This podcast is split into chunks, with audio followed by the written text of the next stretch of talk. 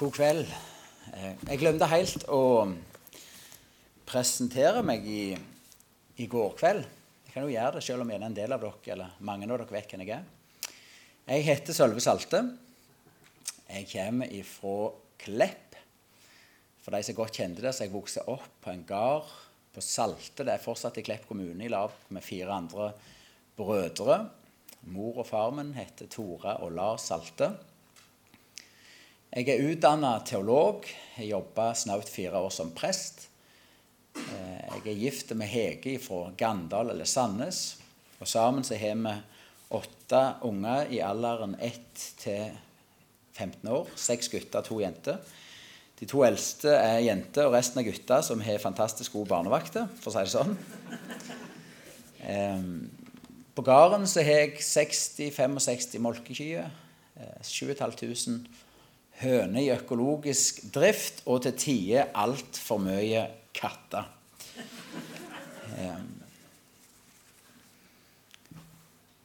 David sier i Salme 141, vers 3.: Herre, sett vakt for min munn, og vern mine leppers dør. David var jo rikt begava på ulike områder. Han var en stor dikter, poet. Han var statsmann, han var hærfører. Og han visste hva makt ord hadde. Han visste hva kraft det lå i å tale rett ord til rett tid. Men han visste også antagelig hvor øyeleggende det kunne være å komme med feil ord. Og han ber Gud om hjelp. Herre, sett vakt for min munn. Vokt mine leppers dør. Han ber om Guds hjelp til å tale rett.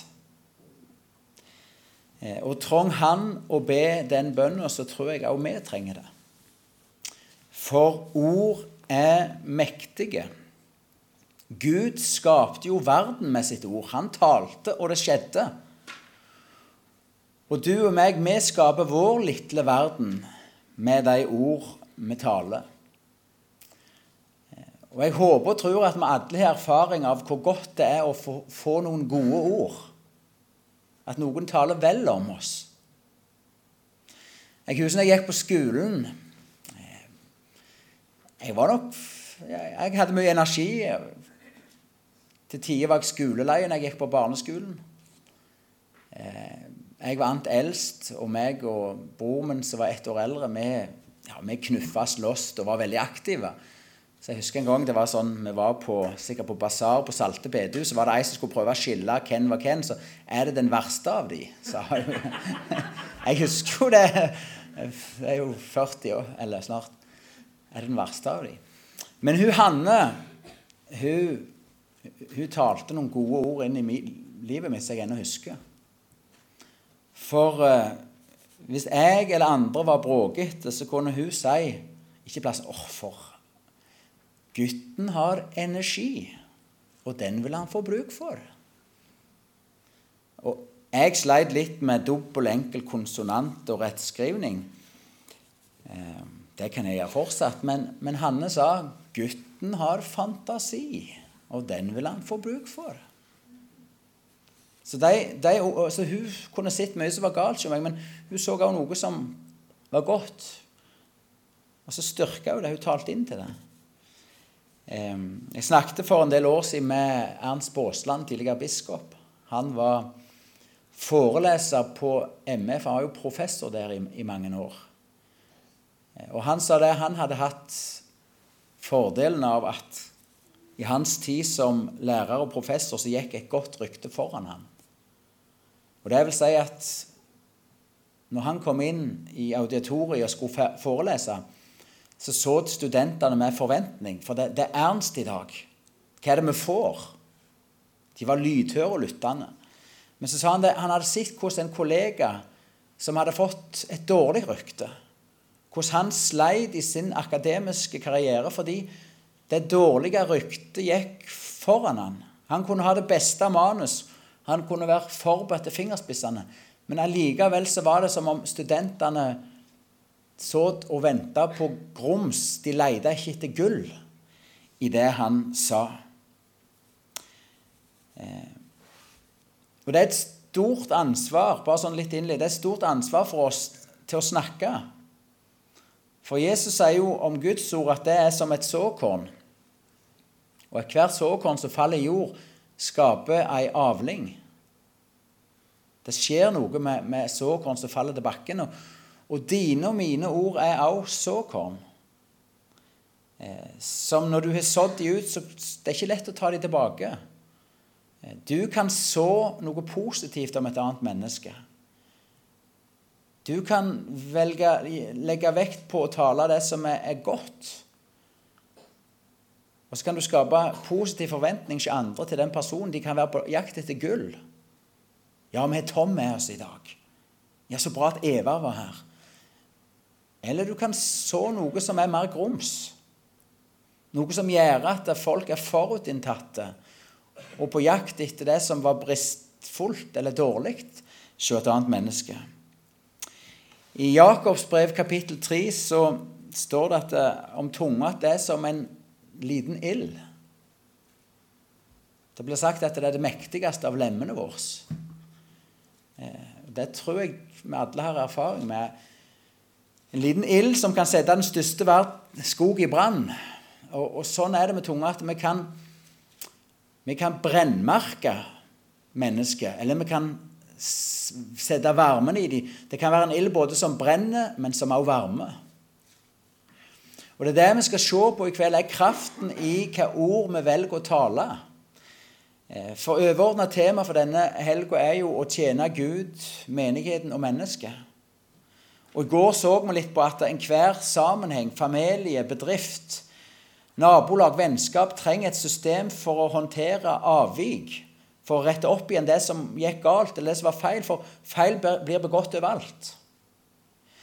Og noe som vil få enorm betydning for din og denne menighetens og nabolaget ditt og jobb, arbeidsplassen, ditt møte med menighet og mennesker og Gud, det er hvordan du velger å bruke munnen din.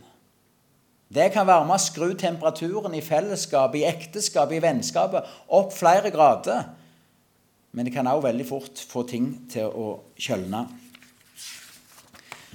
Ja, Herre Jesus, nå ber vi deg om Den hellige ånds vitnesbyrd og hjelp til å ta imot et budskap som kan forandre våre liv. Og vi ber som David, Herre, sett du et vern for vår lippesport. Herre, hjelp du oss å styre vår munn og tale det som er til oppbyggelse, det som er til hjelp, det som er til formaning. I Jesu navn. Amen. Eh, vi skal nå først se på noe som vi alle har erfaring med. Eh, som vi alle har blitt utsatt for, og som vi alle har gjort. Og Dette er for å holde tråden ifra går, dette er et avvik. Dette er feil bruk av ord og din munn. Eh, vi skal se på baktalelse. Det er jo til å snakke bak ryggen eh, på noen.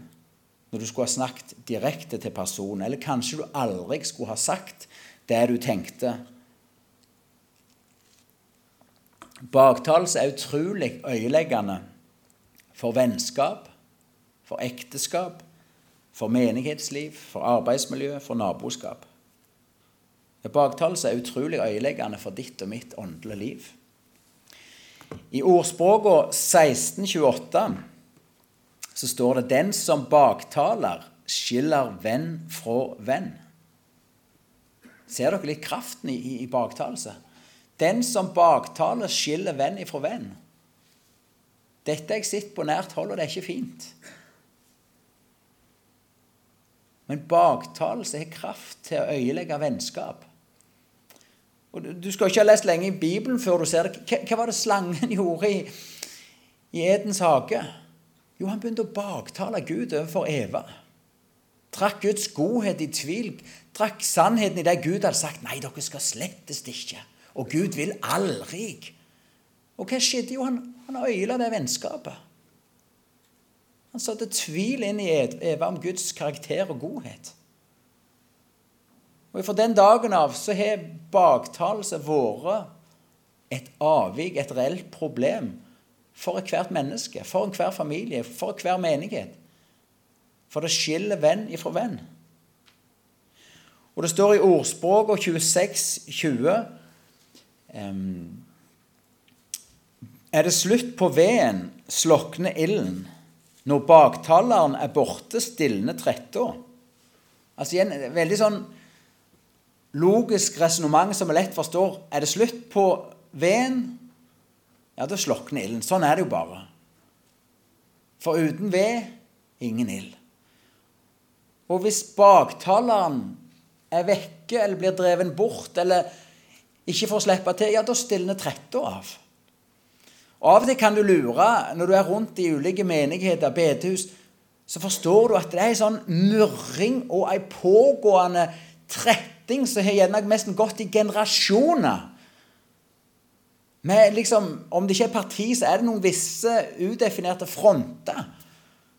Det kan være om møtetidspunkt som det har vært en strid. og Det har gjerne blitt noen som holder til på loftet, og noen i kjelleren. Og, Da aner vi jo at her er det ei trette som pågår. Her, har vi ikke tatt et oppgjør og snakket til hverandre, men, men her snakker vi en heller bak hverandre. For ilden dør når det slipper veden, og tretta stilner når baktaleren er borte. Kanskje noen sitter og lurer på ja, men kan vi ikke være uenige om noen ting. Skal vi liksom bare være enige om alt? Nei, slettest ikke. Det er sunt med meningsbrytning, med diskusjon. Og det kan være veldig oppklarende belysende også med uenighet. Å få ulike perspektiv på, perspektiv på ting. Eh, så det er utrolig mye vi kan si som ikke er baktalelse. Og en menighet kan leve godt med diskusjon. med at vi tar en skikkelig der vi får alt opp på bordet. Vet du hva, Det er bare som et friskt pust. Men enhver menighet, ethvert vennskap, ethvert ekteskap lir når baktalet får lov til å florere og leve. Noen sier ja, men jeg sier jo bare sannheten. Det er sånn han er. Ja vel? Er du sikker på at det er hele sannheten? Har du prøvd å sette deg i den andre sine sko? Og selv om det skulle være noe sant i det, men er det likevel da rett? Er det rett å snakke en person nord og ned? Til å øyelegge hans gode navn og rykte? Og Det fins til og med kristne varianter av baktalelse.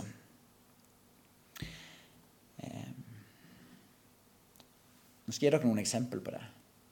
Det er sånn at en av og til kan høre at det blir begått nærmest et karakterdrap av en annen. Utrolig mange negative detaljer og personbeskrivelser blir utlevert.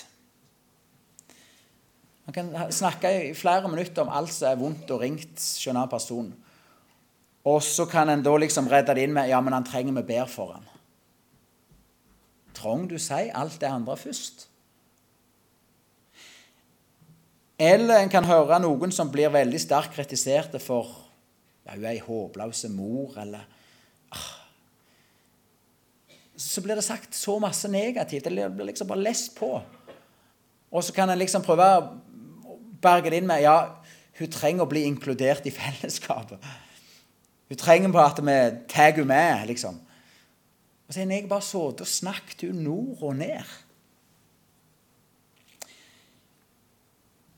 Eller en annen sånn kristen variant er at en, eh, en sier ja, det er greit nok det den taleren sier, eller det den lederen mener, og det er greit nok det den personen der gjorde, men motivet hans Og så slakter en og snakker en person så lågt og langt ned fordi en mener seg å være av en sånn kunnskapsnivå at en ser inn til hjertet og vet hva som driver vedkommende. Han mangler kjærlighet, og han er bare så kald. Han, gjør, han tenker bare Vet du det? Eller er det bare noe du tror fordi han ikke var enig med deg? Herre, vakt mine lepper, vakt porten til min munn. Når Det nye testament omtaler baktalelse, så er det tydelig at det er noe som er uforenlig med livet som kristen. Eh, Paulus har av og til noen sånn liste vi kaller det for lastekataloger. Og så sier han sånn levde dere før. Sånn var deres praksis før. Dette var det dere praktiserte. Men sånn lever dere ikke nå lenger. Det er som vi hørte i åpningen, det er noe som tilhører det gamle mennesket. Sånn levde dere ut før. Men ikke nå lenger. Nå har dere lagt det av. Nå, nå lever dere i omvendelse for dette. Nå bekjenner dere når dere gjør det, og så vender en seg ifra det. Så det er helt tydelig når en leser, leser om baktalelse i Det nye testamentet. Det er uforenlig med livet som kristen. Det er noe vi omvender oss ifra. Noe vi ikke ønsker å gi rom. Kan dere se i 2. Korinterne 12,20 og 2. Timoteus 3, 5 og 6. Med andre ord, når baktalelse florerer i en menighet, så er det tegn på, om du vil, åndelig forfall. Det er et usunt klima. Nå skal vi lese i Efeserne 4. Eh, Efeserne kapittel 4 og vers 22 til 5.2.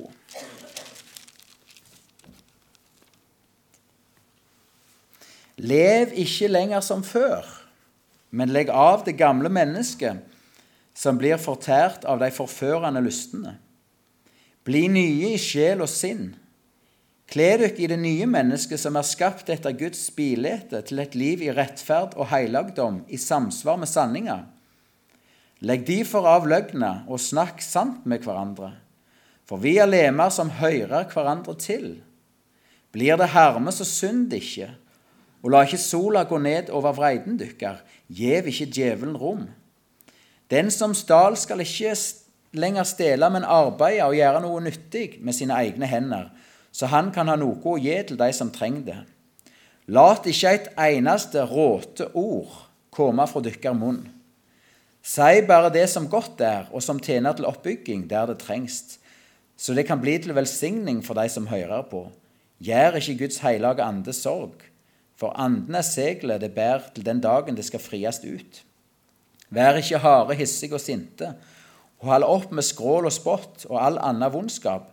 Vær gode mot hverandre og vis medkjensle, så det tilgjev hverandre, liksom Gud har tilgjevet dykk i Kristus. Ja, likna Gud det som er Hans kjære barn.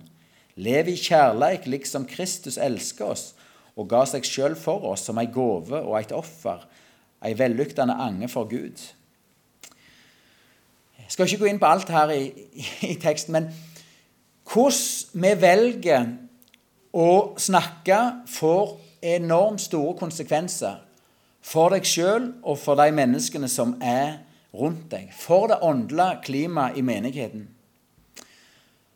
For her blir det stilt opp en kontrast. Når vi baktaler, da gir vi gir ikke djevelen rom. Da gir vi djevelen rom i de sammenhenger vi går, i våre liv. Gjennom baktalelse får djevelen innflytelse i liv og menighet. Det greske ordet for baktale, det er diabolos. Det er nesten som vi kan kveppe i stolen der vi sitter. Diabolos, og det er jo et av navnene, og det er jo det som oversettes til djevel. Djevelen er en baktaler. Det er en del av hans vesen. Det er et viktig verktøy i verktøyskassa hans for hvordan han skal rive sunt, øyelegge og legge i grus. Og Bibelen sier her la ikke et eneste råde ord komme over leppene. Altså baktal ikke. Gi ikke djevelen rom. Og jeg tror, Når vi, ser, vi tenker ja, men det er jo bare noen ord Nei, vet du hva? Det er en åndelig realitet som blir påvirket av dine og mine ord. Du kan enten åpne døra for eller stenge igjen med måten du og meg taler på. Det er alvor i dette. Og Så sier jo denne teksten Gjør ikke Guds hellige ånd sorg. Er det virkelig verdt det å, å ha liksom den der oppturen med å ha noe spennende å fortelle som bare er ren og skjær baktalelse? Når du ser litt prisen som du, fellesskapet, det åndelige klimaet betaler for det. Djevelen får rom, og vi gjør Guds hellige ånd sorg. Og der Guds hellige ånd har sorg i hjertet ditt og mitt, der blir det ikke den fylden av liv, av glede, av fred, av frihet. Så vi ser det er, noen, det er noen enorme kontraster hva dører din og min munn kan enten åpne eller stenge. Baktalelse stenger for gleden i Herren, for den frie tilbedelse, for frimodigheten i troen. Og så åpner det døra for øyeleggeren. Si bare det som tjener til å bygge opp, sto det her i teksten. Ja, hva, er vi interessert i å bruke moen til? Bygge opp eller rive ned?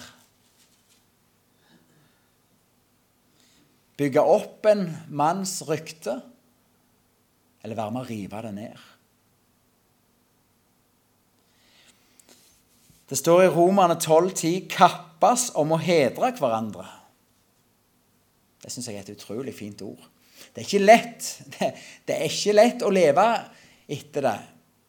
Men du, så godt det blir når, når i en familie eller i en menighetssammenheng eller i en vennelag Når det er sånn at de, de omtrent kappes om å hedre hverandre. Det er utrolig hva som kan skje når, når en er i en sammenheng der vi setter mot i hverandre. Ikke at vi ikke har lov til å være kritiske og komme med innvendinger, men men det er hvis noen vil gå for noe Og det høres ikke ut til å være noe som vanærer Gud eller er fullstendig blotta for å ha brukt en god fornuft. Hvor spennende er det ikke når vi setter mot i hverandre, heier hverandre, klapper hverandre videre? Jeg hørte historien om hvordan Johan Olav Koss, de fleste her inne, levde, eller har iallfall hørt om, han vant jo var det tre eller fire gull når vi hadde OL, vinter-OL på Lillehammer i 1994. I forkant av OL så hadde Johan Olav Koss store problemer med utgangen på svingene sine. Og Treneren han sto jo time etter time, hundrevis av runder hver dag, og så sa han Johan Olav Koss, utgangen på svingen sitter ikke. Og Johan Olav Koss var til slutt lei av å høre på dette og sa kan du ikke heller si noe annet? Kan du ikke heller si noe positivt? Fritt gjengitt av meg. Og For den dagen av så begynte treneren å si Johan Olav Koss, inngangen på svingen sitter. Inngangen er helt rå. Og vet du hva som skjedde fram mot OL på Lillehammer? Utgangen kom på plass. Det var som om inngangen drog utgangen med seg. Sånn kan vi òg velge å ha et sånt blikk på hverandre. At vi kan først og fremst også få tale inn til det som trenger, eller det som er godt. Den svingen som sitter. Der sa du noe godt. Jeg likte det du gjorde der. Jeg blir så oppmuntra når du Takk for at du inviterte meg. Og så er det i mange tilfeller så vil også utgangen bli dratt med. Og så er det også, Vi vet jo det av erfaring det er jo så mye lettere å motta konstruktiv kritikk når vi vet at noen elsker oss, at de vil oss vel. At de ikke bare er ute etter å kritisere og rive ned, men de er faktisk ute etter å heie seg fram og bygge opp. Det skaper en sånn atmosfære der både inngang og utgang kan komme på plass. Det er jo enormt viktig hvordan vi omtaler andre kristne miljø og menigheter. At vi ikke er for raskt ute med å dømme nord og ned. Ting som vi gjerne ikke vet nok om. Der òg hører jeg litt sånn forskjellige varianter ute og går. At en Ikke misforstå meg. Det kan være ting, eller det er ting i enhver sammenheng som er kritikkverdig. Og vi har lov å snakke om det. Men, men en merker raskt hvis det er bare en sånn total slakt av alt. Når det gjelder Imi-kirka, som sikkert alle dere har hørt om Den blir gjerne veldig sånn kritisert for og baktalt for at ja, de er bare opptatt av godhet. hva, hva vet vel egentlig du om det, du som sier det? Ja, det blir noe sånn lovtrelldom, all den der godheten og godhetsgjerninger og godhetsdager. De springer fett av seg. Vet du det? Vet du om det er kjærlighet til Jesus som får ungdommene til å stå og vaske biler gratis? Eller som får far og sønn til å ta seg fri fra arbeid og skole for å male huset til den alenemora som ikke hadde råd til en maler? Vet du og meg hva som driver de? Vi skal være veldig forsiktige med bare slakte og snakke noe nord og ned. Eller Hillsong. Nå er ikke jeg en insider på Hillsong. Noen sier ja, men det er bare sang. Det er lovsang, og så synger de det samme hundre ganger. Det er ikke noe bibel der. Vet du det? Vet du om den lovsangslederen som står framme og for alt du vet, så tilber den i ånd og sannhet. Vet du om, om han eller hun så den time og leste i Bibelen før han gikk på gudstjeneste, og står og ærer Gud? Vet du det? Vi skal være veldig forsiktige til å bruke munnen vår til å baktale og slak slakte kristne brødre og søstre. Og det er utrolig så Vi gir oss mest en frihet til å snakke akkurat hvordan vi vil hvis det er noen som er teologisk uenige med oss i noe. Da kan vi liksom bare trekke opp alle våpen og med stor frimodighet bruke dem, for vi er i krig. Men det er jo ikke sånn det virker. Vi skal ha en tålsom ånd, vi skal si ting i kjærlighet. Ja, vi skal stå for sannhet.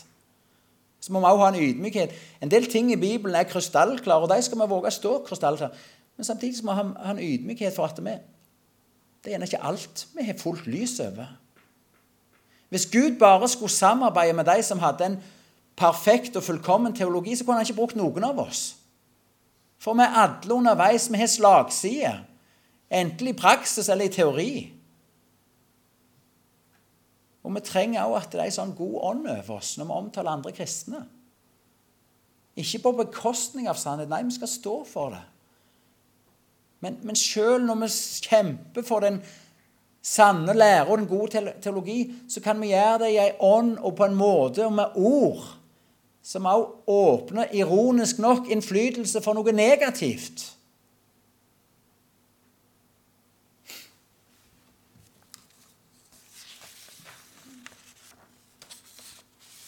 Når noen blir med i en menighet, en bibelgruppe eller kristen miljø, så skulle det jo være sånn at vedkommende kunne puste inn atmosfæren og så merke at her er det annerledes. Her, her kan jeg senke skuldrene. Her trenger jeg ikke være så redd for, for ting blir tatt i beste mening. Det skulle ikke være sånn at når noen kommer inn i en kristen sammenheng så, og hører på drøsen og snakker, at de tenker Hva sier de om meg når ikke jeg er her? Det beste jeg er her alltid, for jeg tar ikke sjansen på hva sier de når ikke jeg er her. Det er jo ikke sånn det skal være. Ha Gud til forbilde, sier teksten, dere som er hans elska barn. Det er jo fantastisk flott sagt. Ha Gud til forbilde, dere som er hans elska barn. Jesus baktalte aldri noen. Han kunne være krass. Han kunne irettesette. Han kunne si 'Vik bak meg, Satan'. Men Jesus baktalte aldri noen. Det kom ikke et eneste ord av baktalelse ifra hans munn. Og det er han vi skal ha det forbildet.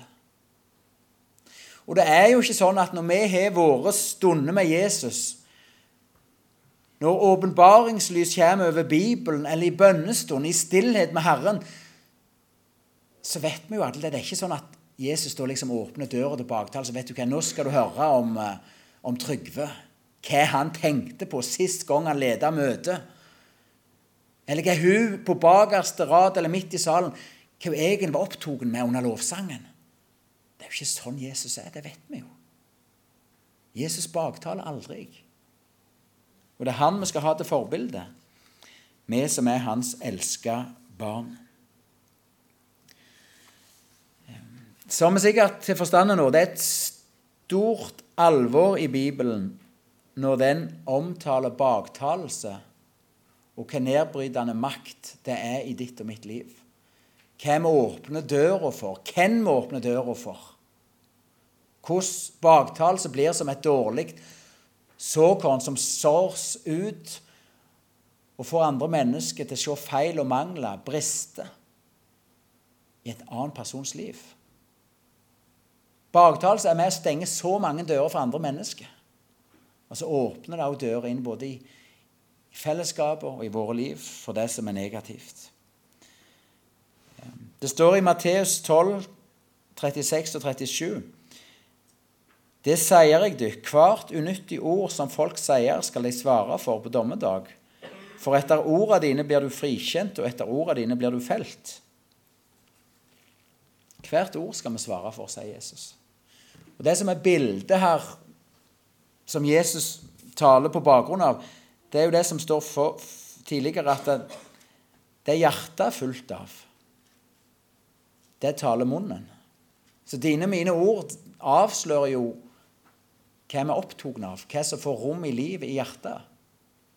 Akkurat som et godt tre bærer god frukt, et dårlig tre bærer dårlig frukt. Et hjerte fullt med det som er godt, taler også ord som er gode.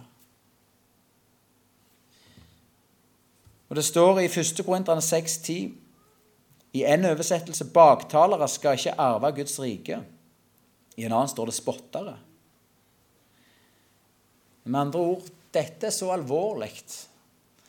Vi er lett for å tro det når det står andre ting i lastekatalogen. Andre grupper som gjerne ikke tenker at ja, men jeg er jo ikke en del av det. Men, men, Bibelen sier at hvis dette er din praksis, de som gjør dette på gresk praktiserer, de som har dette som vane, de som hengir seg til baktalelse og ikke omvender seg ifra det, ikke tar kampen opp imot så, så, Sånn et alvor er det. De skal ikke arve Guds rike, står det. Og Det står i Ordspråket kapittel 10 og vers 19 Den som snakker mye synder lett.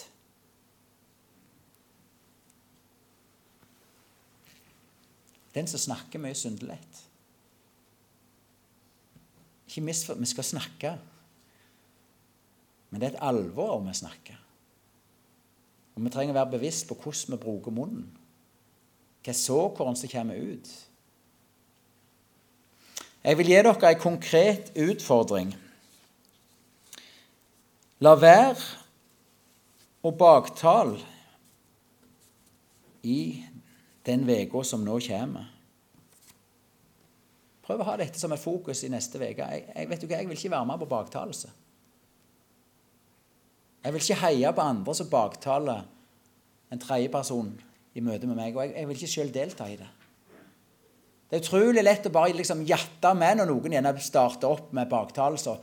Ja, ja, Le litt på de rette plassene. eller bare, vet du hva, jeg, bare si, vet du hva, Dette syns jeg er rett. Våg å være festbremsen som avlyser festen når en virkelig skal godte seg over noen detaljer. Eller, eller gjerne heller være den som tar den tredje personen i forsvar. Er du sikker på det var sånn han mente det? Er du sikker på det var, var det som var motivet hans? Våg å ta den som blir snakket ned i, i forsvar. Jeg tror en del her inne nå sitter og erkjenner at eh, at, flyttet, at, du har flytta på grenser i ditt liv når det gjelder baktalelse.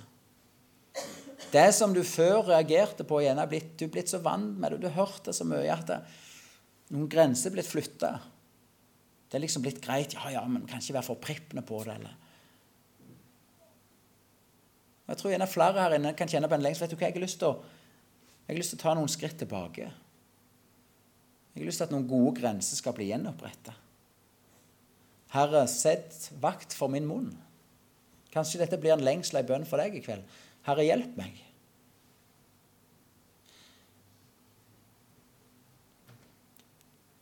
Jeg så i går på et ord som står i ordspråket 28.13.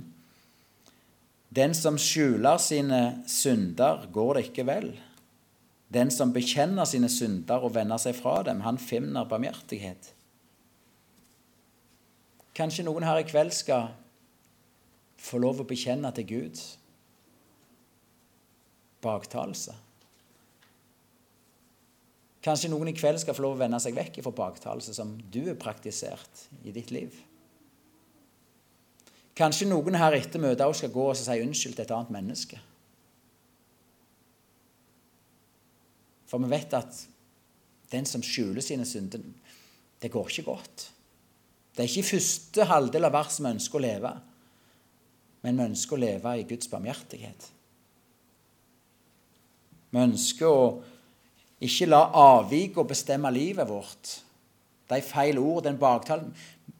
Men vi ønsker å få hjelp til å gjenopprette. Til å gå Guds vei i dette som er til å bekjenne og vende seg ifra.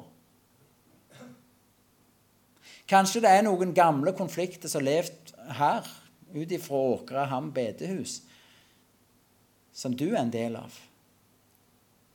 For det, den hånda som skulle vært strukken fram Vet du hva, jeg gjorde feil, jeg òg. Jeg så ikke om hele vedet og faset. Tilgi meg for det jeg sa. Det var ikke rett at sinnet tok overhånda. Vet du hva, jeg, jeg har ikke omtalt deg sånn som jeg skulle ha gjort. Jeg har sett ungene mine opp imot deg og det du sto for. Kanskje det er noen som skal strekke ut en hånd etter møtet til en bestemt person og si vet du hva, kan du tilgi meg? Jeg er fortsatt ikke enig i alt det du sier og sa, men, men jeg er ikke bare rent mel i posen, jeg heller. Og vet du hva, Dette her tror jeg er så viktig. og jeg, jeg tror det ligger en sånn forløsning av det. Av fellesskap, av åndelig liv, av Guds velsignelse. Hvis vi våger å ydmyke oss.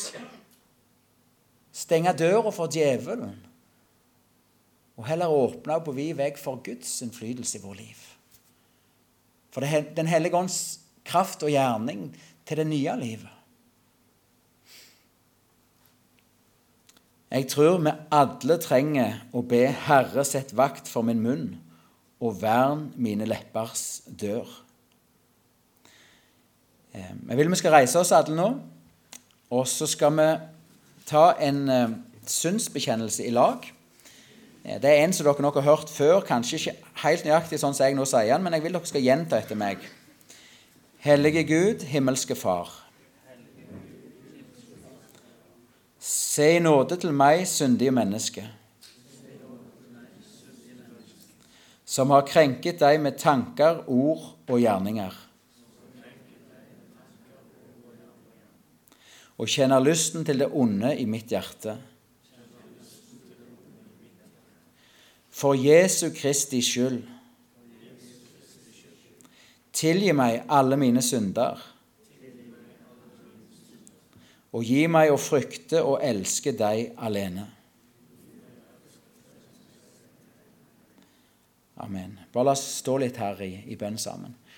Ja, Herre Jesus, takk at du er midt iblant oss. og Takk at du er en levende Gud. og Takk at du har sendt oss din Hellige Ånd for å fortsette den gjerning du gjorde i dine disipler. For å disippelgjøre oss, for å lede oss, for å hjelpe oss til å bli gjenoppretta og til å ta et skritt tilbake når vi tok et skritt i feil retning. Og Herre, du ser hvor lett jeg og sikkert mange med meg, hvor lett vi kan bruke munnen feil. Hvor lett vi kan dømme, fordømme og baktale når vi skulle heller oppmuntre, talt direkte til vært rause med, gått i forbønn for, søkt om tilgivelse for det vi gjorde. Og Hellige Ånd, nå ber jeg om at du må røre med den enkelte sitt hjerte. Jeg ber om at du må, må, minne, hvis det er noen, jeg eller andre, som vi skal ta et skritt i retning, strekke ut ei hånd, forsone oss med. Herre Jesus, for vi ønsker ikke å gi djevelen rom i våre liv i våre menigheter, i våre fellesskap. Men vi ønsker å få leve liv preget av deg.